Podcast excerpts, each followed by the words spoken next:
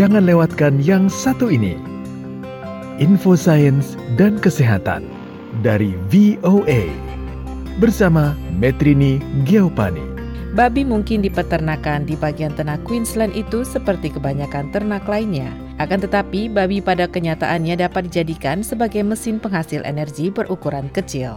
Babi-babi itu menyediakan pasokan listrik untuk seluruh ladang dan peternakan tersebut. Salah seorang peternak, Lori Brosnan, menjelaskan. Uh, probably you know, 30 different buildings on site, including the office and the amenity blocks.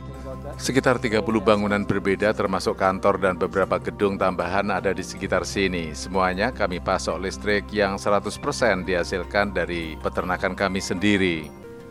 Setiap hari 280 ribu liter limbah cair yang berasal dari bakteri kotoran peternakan babi dan sapi dicampur dalam tangki besar, lalu diproses melalui pabrik biogas Biloela. Brosnan memaparkan pembangkit listrik yang saat ini telah berjalan selama enam tahun itu termasuk teknologi gas metan yang tergolong mahal. Namun pasokan aliran listrik yang dihasilkan itu kemudian dialirkan kembali ke seluruh pembangkit. Sementara itu perusahaan daging yang memasok kotoran hewan ke peternakan Biloela juga memiliki alat operasi biogas sendiri. Carl Duncan, salah seorang manajer dari The Australia Group di Rockhampton, menjelaskan hal tersebut dapat menggantikan sekitar 20% penggunaan batu bara. Um, so that coal that would have been combusted in a coal-fired boiler Gas metan yang dihasilkan batu bara, bahan bakar yang digunakan dalam boiler itu benar-benar kami kumpulkan, lalu kami gunakan untuk menghasilkan tenaga uap sekaligus memenuhi kebutuhan pembangkit listrik tersebut. Tidak mengherankan jika energi terbarukan itu menjadi lazim digunakan dalam industri peternakan.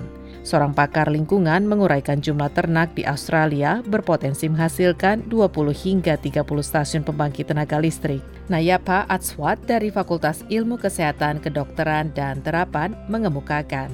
We want to survive happily on this planet and that's the only way to minimize Agar dapat bertahan hidup bahagia di planet ini, itulah satu-satunya cara untuk meminimalkan produksi gas rumah kaca. Suatu upaya meminimalkan limbah tanpa membuangnya adalah dengan mengubahnya menjadi bahan bakar hayati. Dengan demikian, hewan-hewan ternak yang kecil itu tidak hanya sekedar berharga dijual di pasar daging, melainkan juga memiliki nilai ekonomi yang lebih ternak-ternak babi itu telah memberikan sedikit keberuntungan bagi Brosnan yang sebulan sebelumnya menghabiskan sekitar 35 ribu dolar Amerika atau sekitar 500 juta untuk tagihan listrik, tapi kini ia hanya mengeluarkan sekitar 90 dolar Amerika Serikat atau 1,3 juta rupiah sebulan.